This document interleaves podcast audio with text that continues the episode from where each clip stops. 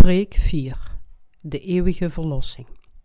Johannes hoofdstuk 8 vers 1 tot en met 12 Maar Jezus ging naar den Olijfberg en des morgens vroeg kwam hij wederom in den tempel en al het volk kwam tot hem. En nedergezeten zijnde leerde hij hen en de schriftgeleerden en de fariseeën brachten tot hem een vrouw in overspel gegrepen en haar gesteld hebbende in het midden, zeide zij tot hem: Meester, deze vrouw is op de daad zelve gegrepen, overspel begaande. En Mozes heeft ons in de wet geboden dat de zulken gestenigd zullen worden. Gij dan, wat zegt gij?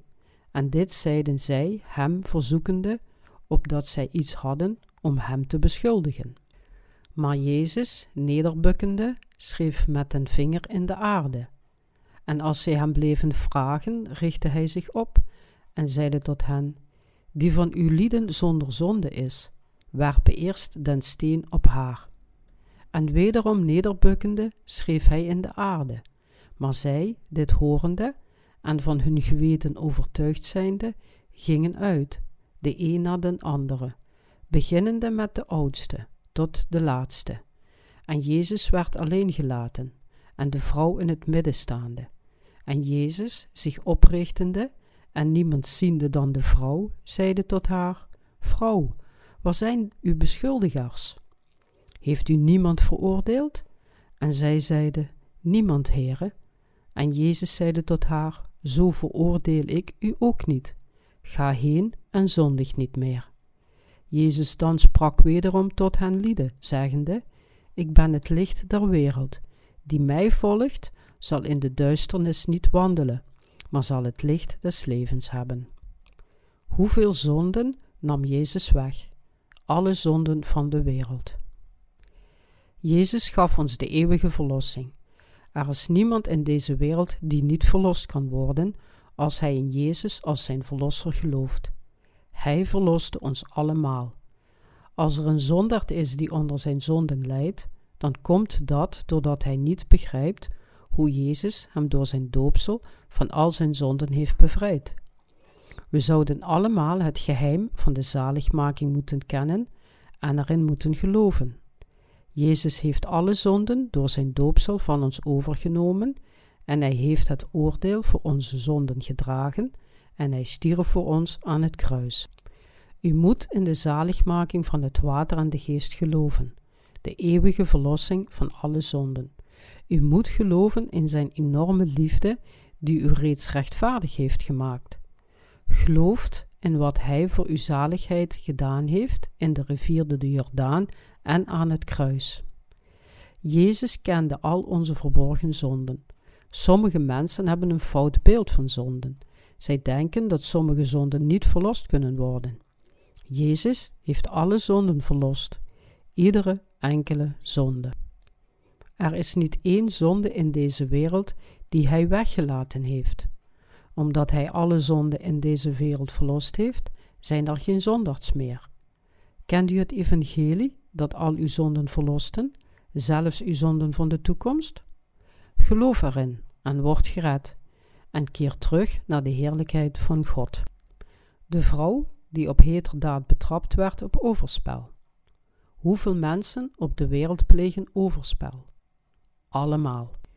In Johannes hoofdstuk 8 is een vrouw die op heterdaad betrapt werd op overspel. En we zien hoe ze gered wordt door Jezus. Wij zouden graag de genade die zij ontving willen delen. Het is niet te veel gezegd dat alle menselijke wezens hun hele leven overspel plegen. Elke persoon pleegt overspel. Als dit niet zo schijnt, dan is dat alleen maar omdat we het zo vaak doen dat het net is alsof we het niet doen. Waarom? We leven met zoveel overspel in ons leven. Ik kijk naar de vrouw en vraag me af of er iemand onder ons is die geen overspel heeft gepleegd. Er is niemand die niet, net zoals de vrouw die betrapt werd, overspel heeft gepleegd. Wij allemaal. We doen alleen maar net alsof we het nooit doen. Denkt u dat ik ongelijk heb? Nee, ik heb geen ongelijk. Kijk er maar eens aandachtig naar. iedereen hier op aarde heeft het gedaan. Ze plegen overspel door naar de vrouwen op straat te staren, in hun gedachten en in hun daden. Het maakt niet uit wanneer of waar. Ze zijn zich alleen niet van bewust dat ze het doen. Er zijn veel mensen die tot de dag dat zij sterven zich niet realiseren dat zij gedurende hun leven ontelbare keren overspel pleegden. Niet alleen zij die betrapt werden, maar wij allemaal die nooit betrapt werden. Alle mensen doen het in gedachten en in hun daden. Is dit niet een deel van ons leven? Heb ik u van streek gemaakt? Het is echter de waarheid. Wij proberen het maar te verzwijgen omdat we ons schamen. Ik denk dat de mensen tegenwoordig de hele tijd overspel plegen, maar het zich niet realiseren. Ook in hun zielen plegen mensen overspel. Wij, de schepsels van God, leven op deze aarde zonder ons ooit te realiseren dat wij ook geestelijk overspel plegen. Andere goden aanbidden is geestelijk overspel plegen, omdat de Heer de enige echtgenoot is van de hele mensheid. De vrouw die op heterdaad betrapt werd, was net als de rest van ons een menselijk wezen, en zij ontving de genade van God, net zoals wij die verlost zijn.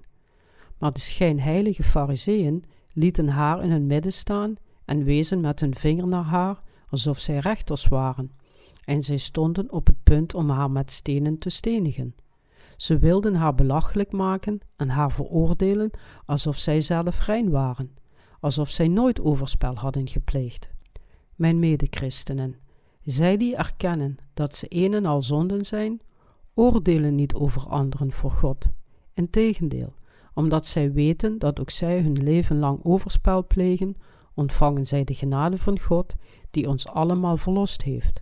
Enkel zij die zich realiseren dat zij zonderd zijn, die steeds overspel plegen, hebben het recht om verlost te worden voor God. Wie ontvangt Gods genade? Ontvangt hij die rein leeft, zonder overspel te plegen, zijn genade? Of krijgt hij die onwaardig is en toegeeft dat hij een zonderd is, zijn genade?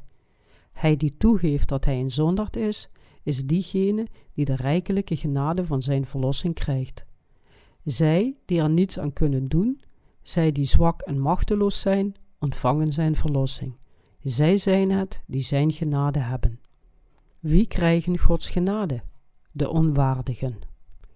Zij die denken dat ze zonder zonden zijn, kunnen niet verlost worden. Hoe kunnen zij de genade van zijn verlossing ontvangen als er niets te verlossen valt? De schriftgeleerden en de fariseeën sleepten de vrouw, die op heterdaad betrapt was met overspel, voor Jezus en zetten haar in het midden en vroegen hem: Meester, deze vrouw is op de daad zelf gegrepen, overspel begaande. Wat zegt u? Waarom brachten zij de vrouw naar hem en beproefden hem? Zij zelf hadden ook vele malen overspel gepleegd, maar zij probeerden haar te veroordelen en haar door Jezus te vermoorden en zo de schuld op hem te schuiven. Jezus wist wat zij van plan waren. Hij wist alles van de vrouw af, dus zei hij: Wie zonder zonde is, werpen den eerste steen. Toen begonnen de schriftgeleerden en de fariseeën één voor één te vertrekken, beginnend bij de oudste tot en met de laatste toe, en enkel Jezus en de vrouw bleven over. Diegenen die vertrokken, waren de schriftgeleerden en de fariseeën, de religieuze leiders. Ze stonden op het punt om de vrouw die op heterdaad betrapt werd te veroordelen, alsof zij zelf geen zondags waren. Jezus verkondigde zijn liefde in deze wereld. Hij was de gastheer van de liefde. Jezus gaf mensen voedsel, bracht de doden terug, gaf weer leven aan de zoon van een weduwe, herleefde Lazarus, heelde melaatsten en werkte wonders voor de armen. Hij nam alle zonden van alle zondaars weg en gaf hun de zaligmaking. Jezus houdt van ons. Hij is de Almachtige die alles kan. Maar de Fariseeën beschouwden hem als hun vijand. Daarom brachten zij de vrouw naar hem en beproefden hem. Ze vroegen: Meester, Mozes in de wet gebieden ons zulks te stenigen. Maar wat zegt u? Ze dachten dat hij hen zou zeggen haar te stenigen. Waarom? Als wij veroordeeld zouden worden naar wat er in de wet van God geschreven staat, zouden alle mensen die overspel gepleegd hebben zonder uitzondering gestenigd moeten worden. Iedereen zou gestenigd moeten worden en iedereen is voorbestemd om naar de hel te gaan. Het loon van de zonde is de dood. Echter, Jezus zei hun haar niet te stenigen, maar in de plaats daarvan zei hij: Wie zonder zonde is, werpen den eerste steen. Waarom gaf God ons de 613 artikelen van de wet? Om ons ervan bewust te maken dat we zondaars zijn. De wet brengt toren. God is heilig en zijn wet eveneens. Deze heilige wet kwam in 613 artikelen naar ons. De reden waarom God ons 613 wetsartikelen gaf, is om ons te laten realiseren dat wij zondaard zijn, dat we onvolmaakte wezens zijn. Het leert ons dat we naar Gods genade moeten kijken om verlost te worden.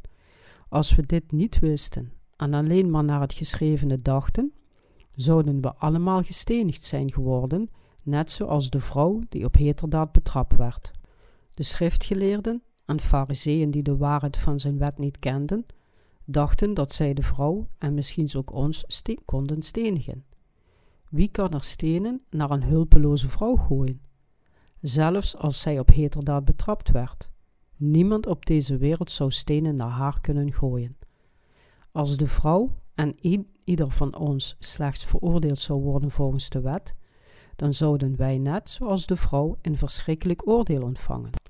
Maar Jezus redde ons, zondaars, van onze zonden en van het gerechte oordeel. Wie van ons met al onze zonden zou blijven leven als de wet van God letterlijk zou worden toegepast? Ieder van ons zou in de hel eindigen. Maar de schriftgeleerden en fariseren kenden alleen de geschreven wet. Als zijn wet juist werd toegepast, zou het hen net zo goed doden als diegene die door hen werd veroordeeld. In feite werd de wet van God aan de mensen gegeven, zodat zij zich hun zonden konden realiseren, maar zij hebben geleden omdat zij het verkeerd begrepen en fout uitvoerden. De fariseeën van tegenwoordig kennen net als de fariseeën in de Bijbel alleen de wet zo hoe die is geschreven. Zij zouden het evangelie van de genade, de gerechtigheid en de waarheid van God moeten begrijpen. Hen moet het evangelie van de verlossing geleerd worden, zodat ze gered kunnen worden. De fariseeën zeiden, de wet gebieden ons zulks te stenigen. Maar wat zegt u? vroegen ze, de stenen zelfverzekerd vasthoudend. Zij waren ervan overtuigd dat Jezus er niets over te zeggen had. Ze wachten erop dat Jezus toehapte. Als Jezus volgens de wet had geoordeeld, zou hij ook door hun gestenigd zijn. Hun doel was het om beiden te stenigen. Als Jezus gezegd had de vrouw niet te stenigen, zouden zij gezegd hebben dat Jezus de wet van God veracht had en ze zouden hem hebben gestenigd voor godslastering. Wat een vreselijk complot was het. Maar Jezus bukte zich voorover en schreef met zijn vinger op de grond. En zij bleven hem vragen: Wat zegt u? Wat schrijft u op de grond? Beantwoord onze vraag: Wat zegt u? Ze wezen naar Jezus en bleven hem lastigvallen. Jezus stond op en zei hun dat diegene onder hen die vrij van zonde was, de eerste steen naar haar moest werpen. Toen boog hij zich voorover en ging verder met het schrijven op de grond. Zij die het gehoord hadden, gingen toen, veroordeeld door hun geweten, één voor één weg, beginnend bij de oudste tot de laatste toe. En Jezus werd alleen gelaten, met de vrouw in zijn aanwezigheid. Wie vrij van zonde is, werpen de eerste steen. Waar zijn de zonden opgenomen? Op de tafel van ons hart en in het boek van werk. Jezus zei hen: Wie vrij van zonde is, werpen de eerste steen. En hij bleef op de grond schrijven. Toen begonnen een paar ouderen weg te gaan. De oudere Fariseeërs, die meer zonden hadden begaan, gingen het eerste weg. De jongeren gingen ook weg. Laten we ons voorstellen dat Jezus tussen ons staat en dat wij om de vrouw staan. Als Jezus tegen ons had gezegd dat diegene die zonder zonde is, de eerste steen moest gooien, wat zou u dan gedaan hebben? Wat had Jezus op de grond geschreven? God, onze schepper, schrijft onze zonden op twee plaatsen op. Ten eerste schrijft hij onze zonden op de tafel van ons hart. De zonden van Juda is geschreven met een ijzeren griffie met de punt eens diamants, gegraven in de tafel van hun lieder hart en aan de hoornen uwer altaren. Jeremia hoofdstuk 17 vers 1 God praat met ons door Juda, die onze vertegenwoordiger is. De zonden van de mensen zijn gegraveerd met een ijzeren pen met de punt van diamanten. Ze worden vastgelegd op de tafel van ons hart. Jezus bukte zich en schreef op de grond dat alle mensen zondaars zijn. God weet dat we zondigen en hij graveert de zonden op de tafel van ons hart. Ten eerste registreert hij onze werken, de zonden die zijn begaan, omdat wij kwetsbaar zijn voor de wet. Als de zonden in ons hart zijn opgenomen, realiseren we ons dat we zondigd zijn als we naar de wet kijken. Omdat Hij ze in ons hart en geweten heeft vastgelegd, weten wij dat we zondags voor Hem zijn. En Jezus bukte zich een tweede keer om op de grond te schrijven. De geschriften zeggen dat al onze zonden ook in het bijzijn van God in het boek van werken zijn opgenomen, Openbaring hoofdstuk 20, vers 12. De naam van elke zondaard en zonden wordt vastgelegd in het boek, en zij zijn ook opgenomen op de tafel van het hart van de persoon. Onze zonden worden twee keer opgenomen, in het boek van werken en op de tafel van ons hart. De zonden zijn op de tafel van een ieders hart opgenomen, jong of oud. Daarom hadden ze niets te zeggen over hun zonden voor Jezus. Zij die de vrouw probeerden te stenigen, waren hulpeloos voor zijn woorden. Wanneer zijn onze zonden, die opgenomen zijn op twee plaatsen, uitgewist? Als we in ons hart de verlossing accepteren van het water en het bloed van Jezus. Als u echter zijn zaligmaking ontvangt, zullen al uw zonden in het boek van werken uitgewist worden en uw naam zal worden toegevoegd aan het boek van leven.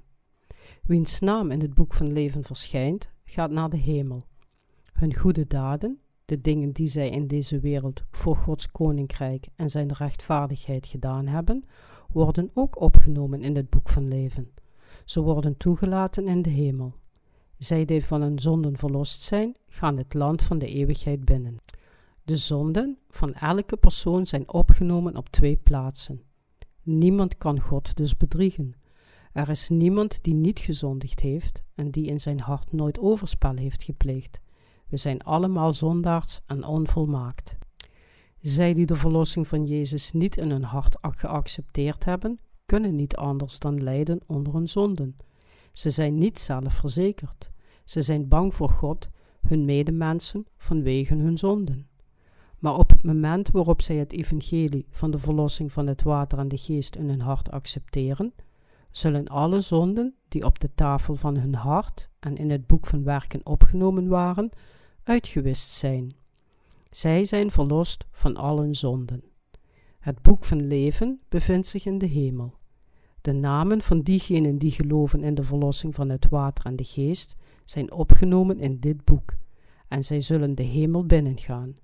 Ze gaan de hemel binnen, niet omdat zij niet gezondigd hebben in deze wereld, maar omdat zij verlost zijn van allen zonden, door te geloven in de verlossing van het water en de geest. Het is de wet van het geloof. Romeinen hoofdstuk 3, vers 27. Beste medechristenen, de wetsgeleerden en fariseeren waren net als de vrouw die betrapt was op overspel, zondaars. In feite hadden zij meer zonde begaan, omdat zij zichzelf bedrogen en net deden alsof zij geen zondaars waren. De religieuze leiders waren dieven met officiële vergunningen zij waren dieven van zielen, met andere woorden, dieven van het leven. Ze durfden anderen autoritair te onderwijzen, terwijl zij zelf nog niet verlost waren. Er is niemand die volgens de wet zonder zonden is. Maar een persoon wordt rechtvaardig, niet omdat hij niet zondigt, maar omdat hij verlost is geworden van al zijn zonden en zijn naam is opgenomen in het boek van leven. Het belangrijkste is of iemands naam is opgenomen in het boek van leven. omdat mensen niet in staat zijn geen zonden in hun leven te plegen, moeten zij eeuwig verlost worden om in het boek opgenomen te worden. Of je in de hemel toegelaten wordt of niet, hangt ervan af of je in het ware evangelie gelooft of niet. Of je de genade van God ontvangt, hangt ervan af of je de zaligmaking van Jezus accepteert. Wat gebeurde er met de vrouw die betrapt werd? Ze stond daar met gesloten ogen, omdat ze wist dat ze ging sterven. Waarschijnlijk huilde ze uit angst en berouw. Mensen worden eerlijk tegenover zichzelf als zij oog in oog met de dood staan. O God, het is juist dat ik sterven moet. Accepteer alstublieft mijn ziel in uw handen. Ik heb leven en heb medelijden met mij. Heb alstublieft medelijden met mij, Jezus. Ze smeekte Jezus om de liefde van de verlossing. God, als u me veroordeelt, dan zal ik veroordeeld worden. En als u zegt dat ik zonder zonde ben, dan zullen mijn zonden uitgewist zijn. Het ligt aan u. Waarschijnlijk zei ze al deze dingen. Alles werd aan Jezus overgelaten. De vrouw die naar Jezus gebracht was, zei niet: Ik heb fout gehandeld, vergeef me alstublieft mijn overspel. Ze zei: Red me alstublieft van mijn zonden. Als u mijn zonden verlost, zal ik gered zijn. Zo niet, dan ga ik naar de hel. Ik heb uw verlossing nodig. Ik heb de liefde van God nodig en zijn medelijden voor mij. Ze sloot haar ogen en biechtte haar zonden. En Jezus vroeg haar: Waar zijn die beschuldigers van u? Heeft niemand u veroordeeld? Ze antwoordde: Niemand, Heer. En Jezus zei tegen haar: Nog zal ik u veroordelen. Jezus veroordeelde haar niet, omdat hij reeds al haar zonden van haar had weggenomen door zijn doopsel in de rivier de Jordaan, en zij was al verlost. Nu moest Jezus en niet de vrouw veroordeeld worden voor haar zonden. Hij zei: Nog zal ik u veroordelen. Werd zij veroordeeld door Jezus? Nee. Deze vrouw was gezegend met de zaligmaking in Jezus. Ze was verlost van al haar zonden.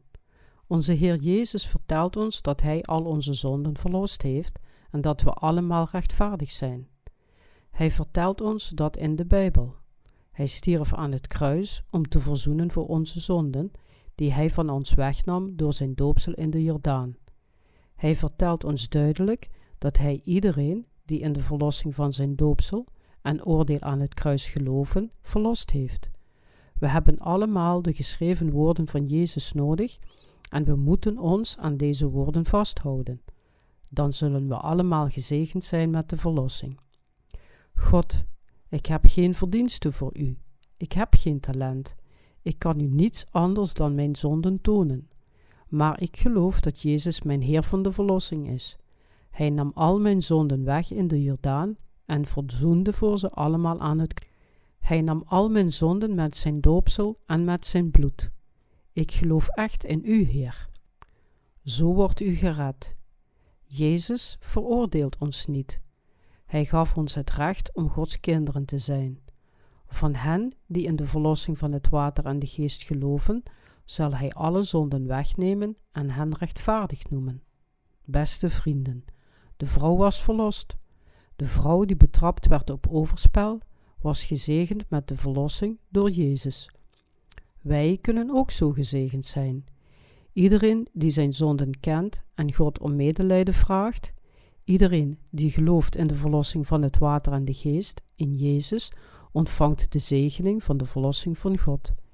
Diegenen die hun zondigheid voor God toegeven, kunnen verlost worden. Maar diegenen die zich hun eigen zonde niet realiseren, kunnen niet gezegend worden met de verlossing. Jezus nam de zonden van de wereld weg. Johannes hoofdstuk 1 vers 29.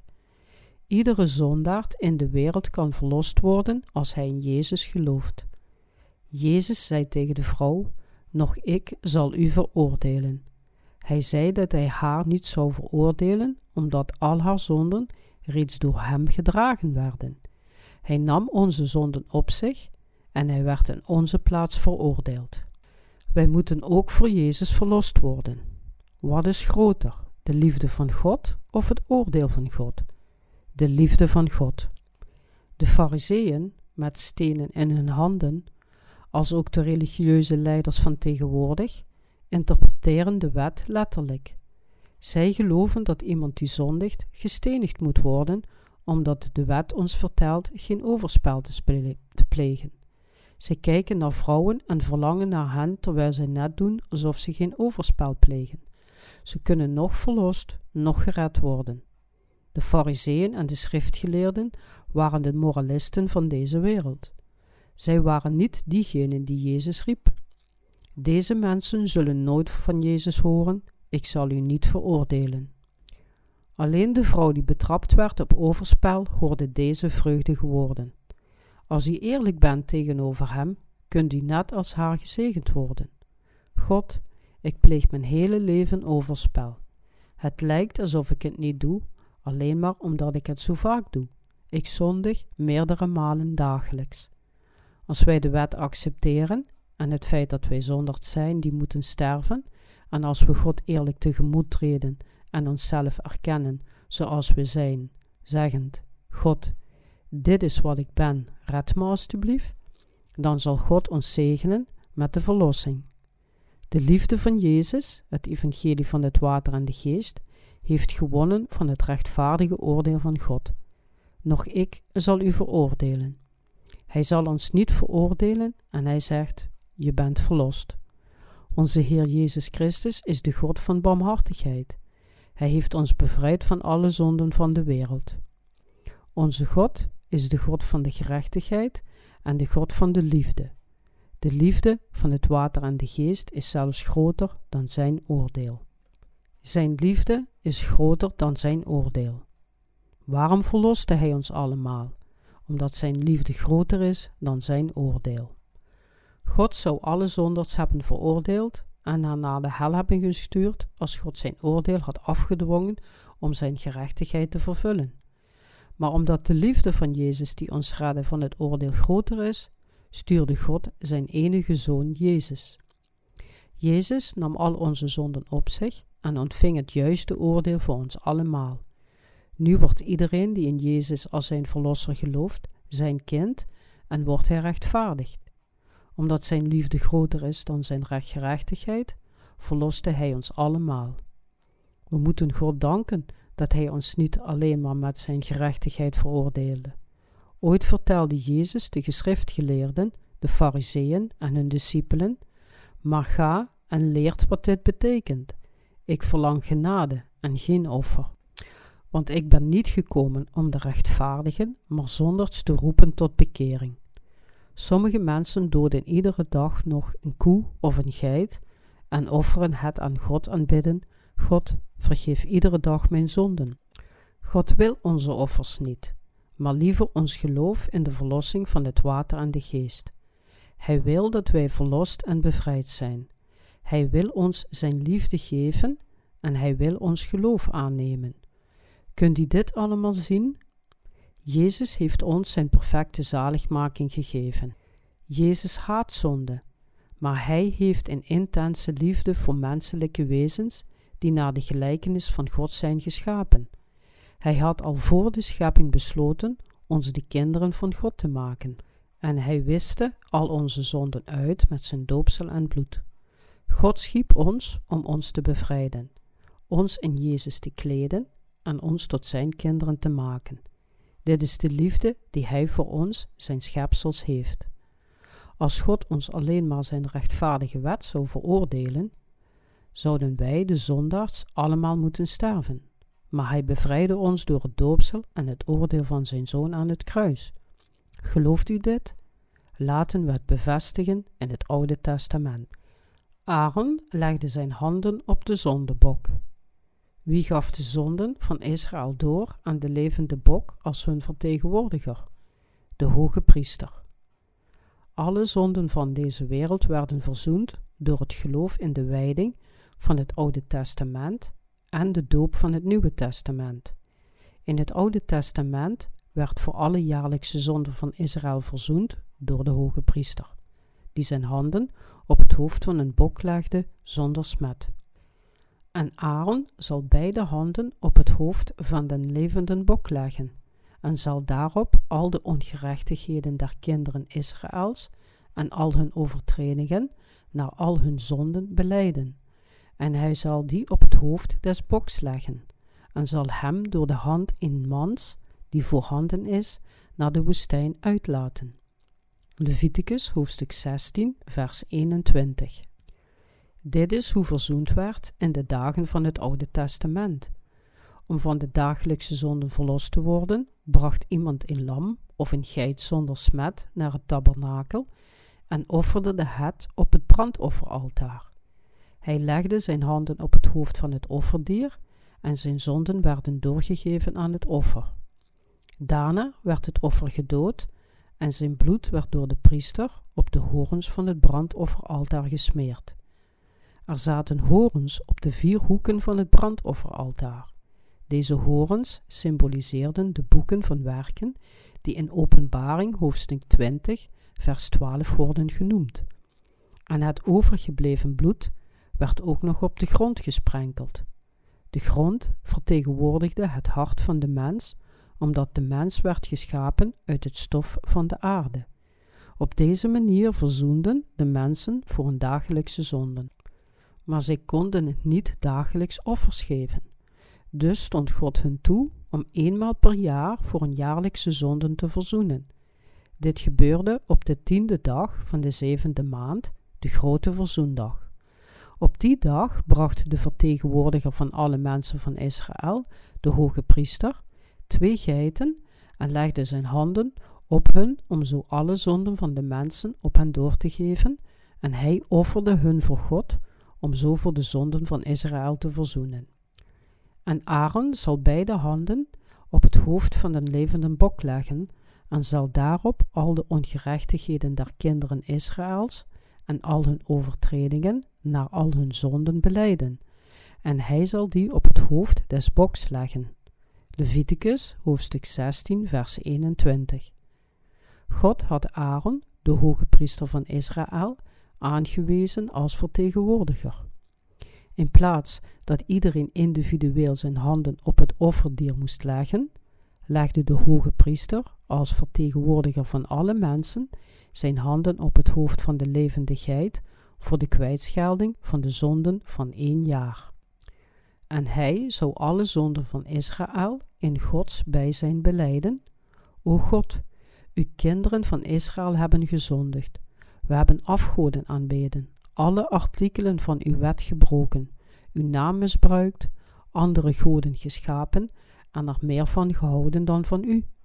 We hielden de Sabbat niet heilig, respecteerden onze ouders niet, doden, pleegden overspel en dieverij.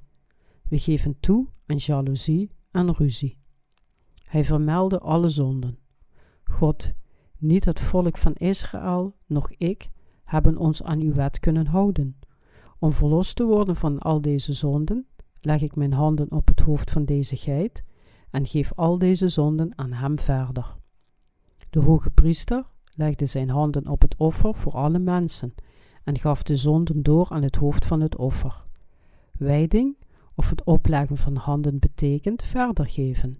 Leviticus hoofdstuk 1 vers 1 tot en met 4 en hoofdstuk 16 vers 20 en 21. Hoe werd de verzoening volbracht in de tijd van het Oude Testament? Door het opleggen van handen op het hoofd van de offergave. God had het ritueel van de offergave aan het volk van Israël gegeven, zodat zij al hun zonden konden doorgeven en verlost konden worden. Hij maakte duidelijk dat er een offergave zonder smet moest zijn en dat de offergave gedood moest worden in plaats van een persoon. Op de grote verzoendag werd de offergave gedood en zijn bloed werd in de heilige plaats naar binnen gebracht en zeven keer op de genadezetel gesprenkeld. Aldus verzoenden de mensen van Israël voor de zonden van één jaar op de tiende dag van de zevende maand. De hoge priester ging alleen de heilige plaats binnen om de offergave te offeren, maar de mensen verzamelden zich buiten en luisterden of ze de gouden bellen aan de gewaden van de hoge priester zeven keer hoorden rinkelen, terwijl het bloed op de genadezetel gesprenkeld werd. Dan zouden de mensen verblijden omdat voor al hun zonden verzoend was. Het geluid van de gouden bellen was het geluid van de vreugdige evangelie. Het is niet waar dat Jezus van bepaalde mensen houdt en alleen hun verlost. Jezus nam alle zonden van de wereld in één keer weg met zijn doopsel.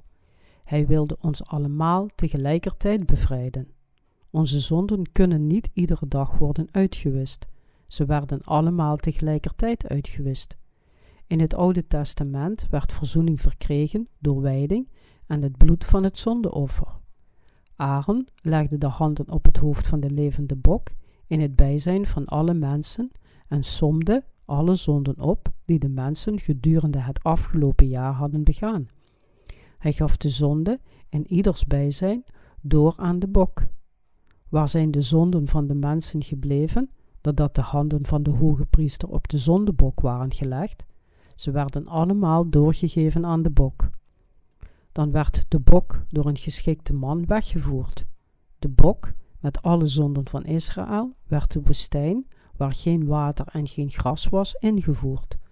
De bok zou, zonder de, zou onder de brandende zon in de woestijn lopen en tenslotte sterven. De bok stierf voor de zonden van Israël.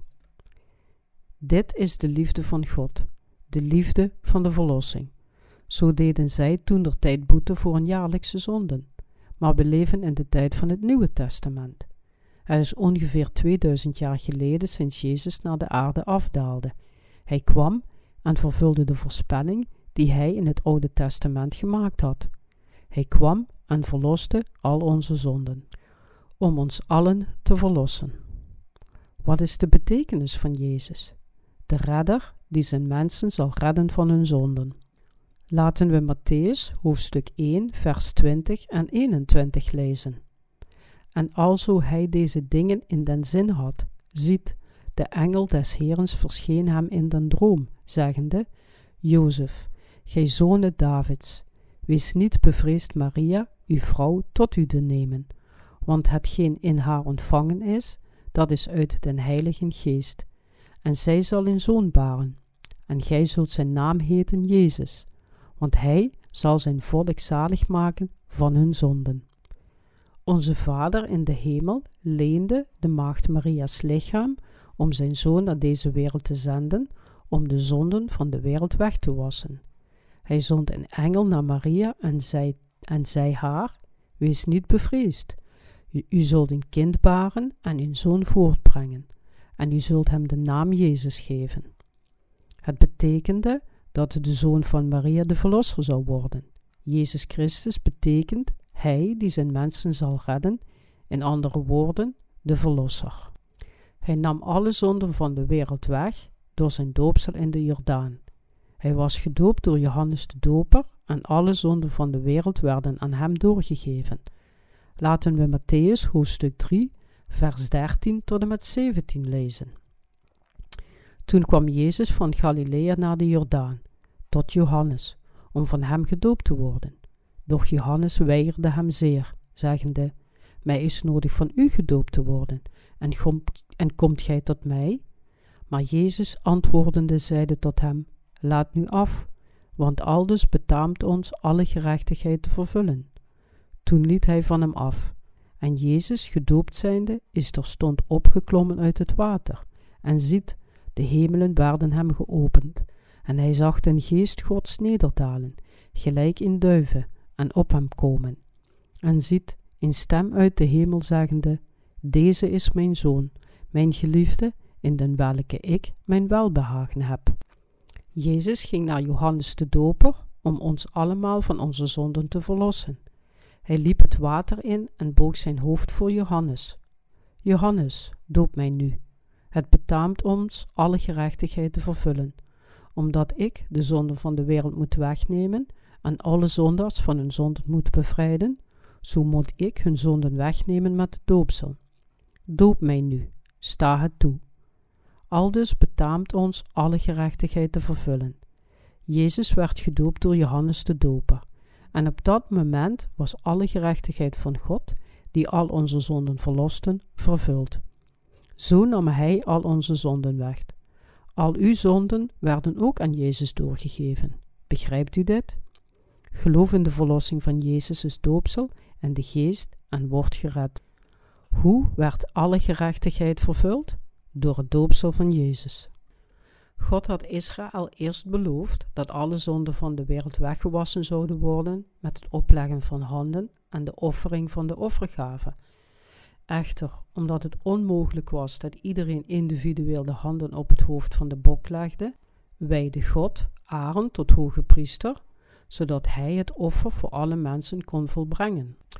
Aldus gaf hij al hun jaarlijkse zonden in één keer door aan het hoofd van de offergave. Dit is zijn wijsheid en de kracht van de verlossing. God is wijs en verbazingwekkend. Hij stuurde zijn zoon Jezus om de hele wereld te redden. Het zondeoffer was dus gereed.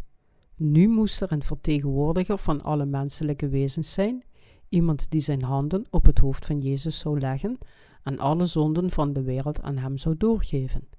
Die vertegenwoordiger was Johannes de Doper. Er staat in de Bijbel dat God de vertegenwoordiger van de hele mensheid voor Jezus stuurde. Het was Johannes de Doper, de laatste hoge priester van de mensheid. Zoals geschreven staat in Matthäus hoofdstuk 11, vers 11.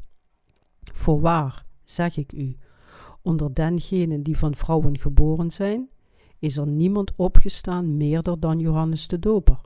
Doch die de minste is in het koninkrijk der hemelen, is meerder dan hij. Hij is de enige vertegenwoordiger van de mensen. Hij stuurde Johannes als de vertegenwoordiger voor alle mensen, zodat hij Jezus kon dopen en alle zonden van de wereld aan hem kon doorgeven. Als zes miljard mensen op aarde nu naar Jezus zouden gaan en ieder moest zijn handen op het hoofd leggen om hun zonden door te geven, wat zou er dan met zijn hoofd gebeuren?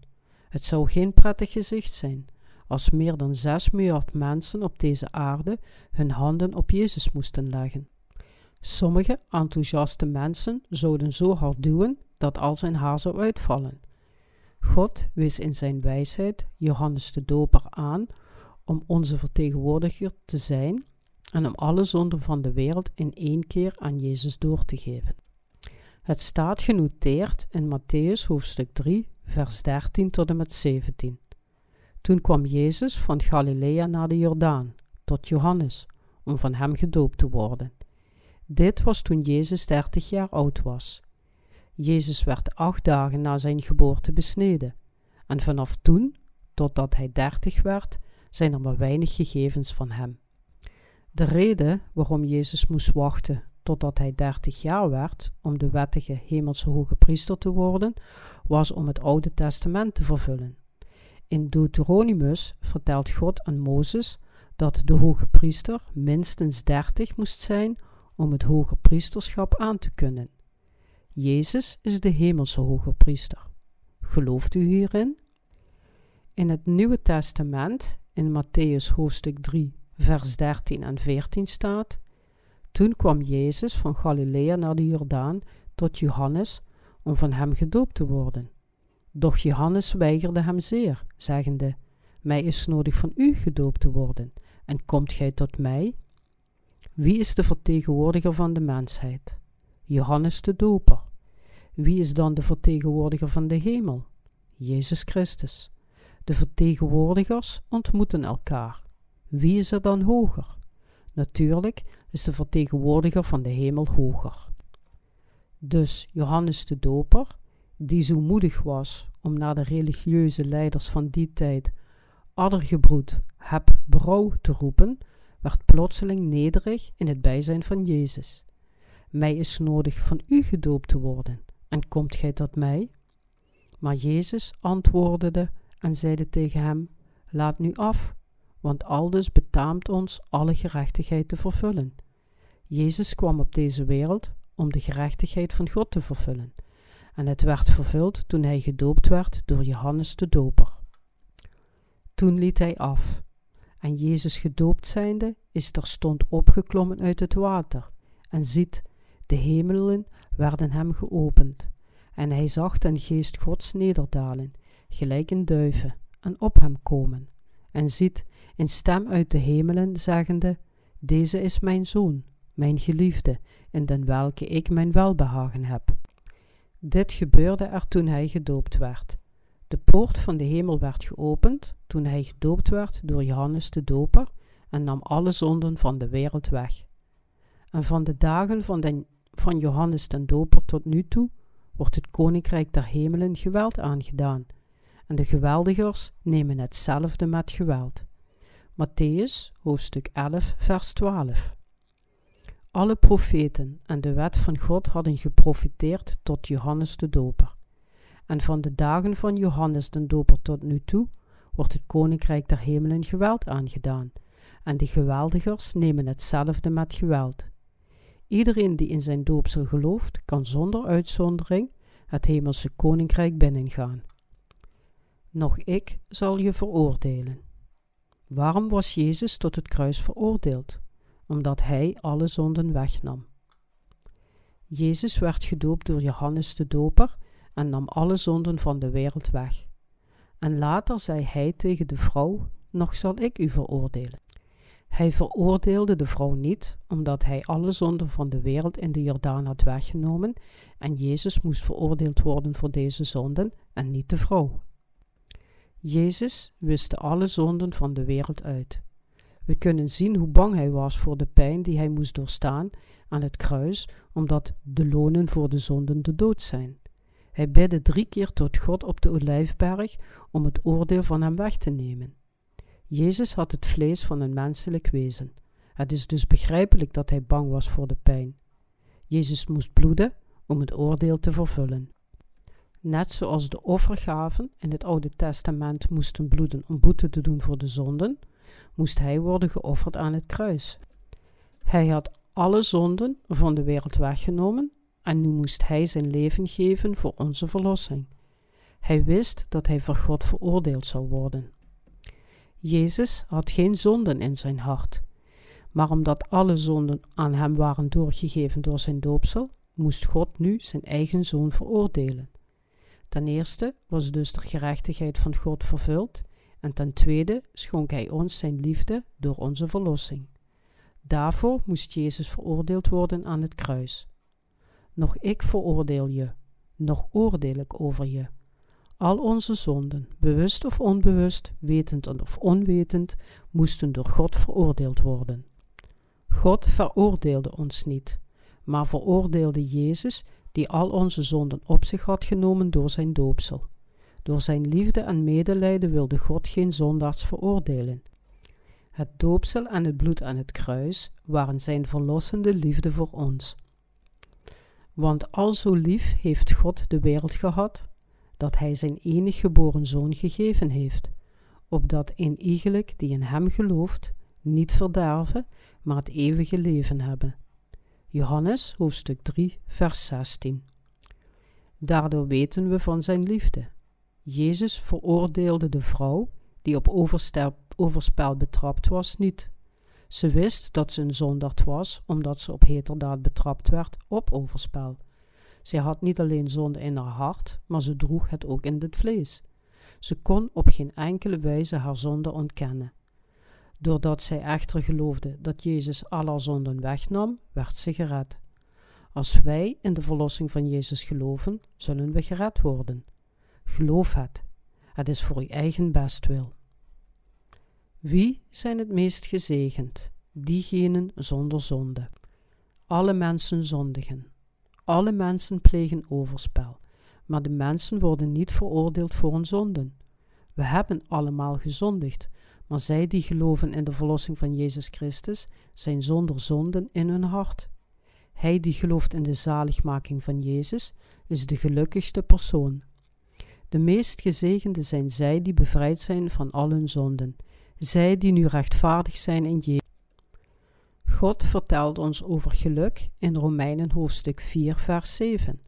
Zalig zijn zij, welker ongerechtigheden vergeven zijn en welker zonden bedekt zijn. Wij zondigen allemaal tot de tijd dat we sterven. We zijn wetteloos en onvolmaakt voor God. We blijven zondigen, zelf als we ons bewust zijn van zijn wet. We zijn zo zwak. Maar God bevrijdde ons met het doopsel aan het bloed van zijn enige geboren zoon en zegt ons: tegen u en mij, dat we niet langer zondaard zijn en dat we nu rechtvaardig zijn door Hem. Hij zegt ons dat we Zijn kinderen zijn. Het evangelie van het water en de geest is het evangelie van de verlossing. Gelooft u dat? Hij noemt hen die geloven rechtvaardig, verlost en zijn kinderen. Wie is de gelukkigste persoon op deze wereld? Hij die gelooft en bevrijd is door te geloven in het ware evangelie. Bent u bevrijd? Heeft Jezus verzuimd uw zonden weg te nemen? Nee, hij nam al uw zonden met zijn doopsel weg. Geloof het. Geloof en word verlost van al uw zonden. Laten we in Johannes hoofdstuk 1 vers 29 lezen. Als weggeveegd met één bezem. Hoeveel zonden nam Jezus weg? Alle zonden van de wereld. Des anderen daags zag Johannes Jezus tot zich komende en zeide: Zie, het Lam Gods dat de zonden der wereld wegneemt. Johannes hoofdstuk 1 vers 29. Zie, het Lam Gods dat de zonden der wereld wegneemt. Johannes de Doper gaf alle zonden van de wereld door aan Jezus in de Jordaan. De volgende dag getuigde hij dat Jezus het Lam Gods was die de zonden van de wereld wegnam. Hij nam alle zonden van de wereld op zijn schouders. Alle zonden van de wereld wil zeggen alle zonden die de mens begaat in deze wereld, van de schepping tot het einde. Ongeveer 2000 jaar geleden nam Jezus alle zonden van de wereld weg en verloste ons. Als het lam Gods nam hij al onze zonden weg en werd voor ons veroordeeld.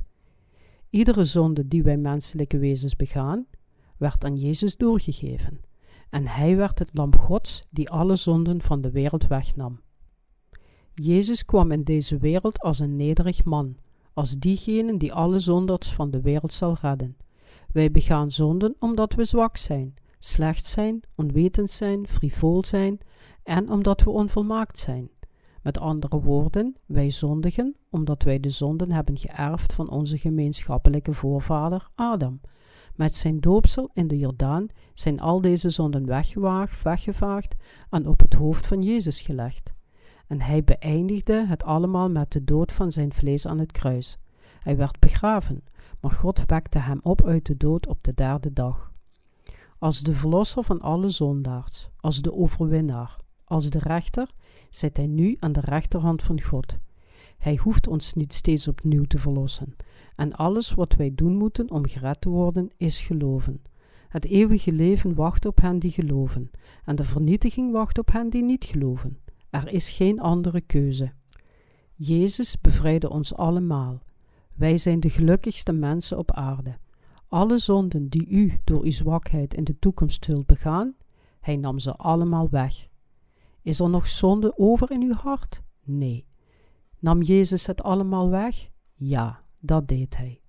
Alle mensen zijn hetzelfde. Niemand is heiliger dan zijn buren.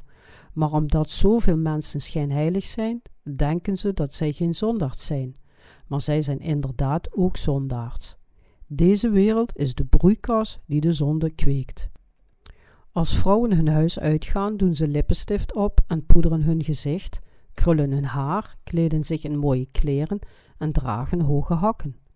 Mannen gaan ook naar de kapper om hun haar te laten knippen, verzorgen zichzelf, trekken schone hemden aan, moderne stropdassen en poetsen hun schoenen. Maar ook al zien ze er van de buitenkant uit als prinsen en prinsessen, van binnen zijn ze absoluut smerig. Maakt geld gelukkig? Maakt gezondheid gelukkig? Nee, alleen de verlossing maakt mensen erg gelukkig. Hoe gelukkig een persoon er van de buitenkant ook uitziet, hij is ongelukkig als hij zonde in zijn hart heeft. Hij leeft in angst voor het oordeel. Een verlost persoon is zelfs in lompen zo moedig als een leeuw. Er is geen zonde in zijn hart. Dank u, Heer. U redde een zonderd als mij. U wiste al mijn zonden uit. Ik weet dat ik niet mooi ben, maar ik eer u voor mijn redding. Ik ben voor altijd verlost van mijn zonden. Glorie aan God. Iemand die bevrijd is, is echt gelukkig.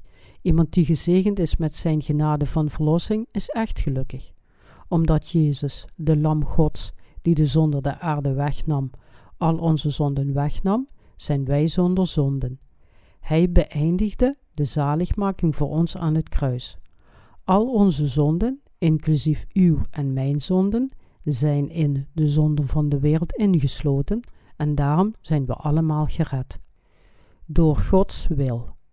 Hebben wij zonden in ons hart als we in Jezus Christus zijn? Nee, dat hebben we niet. Beste vrienden, de vrouw die op overspel betrapt was, geloofde in de woorden van Jezus en ze was gered. Haar verhaal is in de Bijbel opgenomen omdat ze gezegend was met de verlossing. Maar de schijnheilige schriftgeleerden en fariseeën renden weg van Jezus. Als u in Jezus gelooft, wacht de hemel op u. Maar als u Jezus verlaat, gaat u naar de hel. Als u in zijn rechtvaardige werken gelooft, is het als de hemel. Maar als u niet in zijn werken gelooft, is het als de hel. De verlossing is niet afhankelijk van de inspanningen van een individu, maar van de zaligmaking van Jezus. Laten we Hebreeën hoofdstuk 10 lezen. Want de wet, hebbende in schaduw der toekomende goederen, niet het beeld zelf der zaken, kan met dezelfde offeranden, die zij alle jaren gedurlijk opofferen, nimmer meer heiligen diengenen die daartoe gaan. Anderzijds zouden zij opgehouden hebben geofferd te worden, omdat degenen die den dienst pleegden geen geweten meer zouden hebben der zonden, eenmaal gereinigd geweest zijnde. Maar nu geschiet in derzelfde alle jaren weder gedachtenis der zonden. Want het is onmogelijk dat het bloed van stieren en bokken de zonde wegnemen. Daarom komende in de wereld, zegt hij, slachtoffer en offeranden hebt gij niet gewild, maar gij hebt mij het lichaam toebereid. Brandofferen en offeren van de zonden hebben u niet behaagd. Toen sprak ik, zie, ik kom. In het begin des boeks is van mij geschreven, om uw wil te doen, o God. Als hij tevoren gezegd had, slachtoffer en offeranden en brandoffers en offer voor de zonden hebt gij niet gewild, nog hebben u behaagd, de welke naar de wet geofferd worden, toen sprak hij, zie, ik kom om uw wil te doen, o God. Hij neemt het eerste weg om het tweede te stellen, in welken wij geheiligd zijn, door de offeranden des lichaams van Jezus Christus, eenmaal geschied. Hebreeën hoofdstuk 10, vers 1 tot en met 10. Door Gods wil offerde Jezus zijn leven om al onze zonden in één keer weg te nemen en werd één keer veroordeeld en opgewekt. Daarom zijn wij geheiligd. Zijn geheiligd is geschreven in de voltooid tegenwoordige tijd. Het betekent dat onze verlossing absoluut is voltooid en niet nog eens vermeld hoeft te worden. U bent geheiligd. En een iegelijke priester stond wel alle dagen dienende en dezelfde slachtofferen dikmaals offerde, die de zonden nimmer meer konden wegnemen. Maar deze, een slachtoffer van de zonden geofferd hebbende, is in eeuwigheid gezeten aan de rechterhand Gods, voorts verwachtende totdat zijn vijanden gesteld worden tot een voetbank zijner voeten. Want met een offeranden heeft hij in eeuwigheid volmaakt dengenen die geheiligd worden. Hebreeën hoofdstuk 10, vers 11 tot en met 14. U bent allemaal voor eeuwig geheiligd. Als u morgen zondigt, zult u dan weer een zondaard zijn? Nam Jezus die zonde niet ook weg? Dat deed hij. Hij nam ook de zonden van de toekomst weg. En de Heilige Geest getuigt het ons ook, want nadat hij tevoren gezegd had: Dit is het verbond dat, dit, dat ik met hen maken zal na die dagen, zegt de Heere: Ik zal mijn wetten geven in hun harten, en ik zal die inschrijven in mijn verstanden, en hun zonden en hun ongerechtigheden zal ik geen zins meer gedenken. Waar nu vergeving derzelfde is, daar is geen offeranden meer voor de zonden. Hebreeën, hoofdstuk 10, vers 15 tot en met 18. De zin vergeven derzelfde betekent dat hij alle zonden van de wereld uitwiste. Jezus is onze verlosser, uw en mijn verlosser. We zijn gered door het geloof in Jezus. Dit is de verlossing in Jezus. Het is de grootste genade en het grootste geschenk van God. U en ik, die verlost zijn van alle zonden, zijn het meest gezegend van iedereen.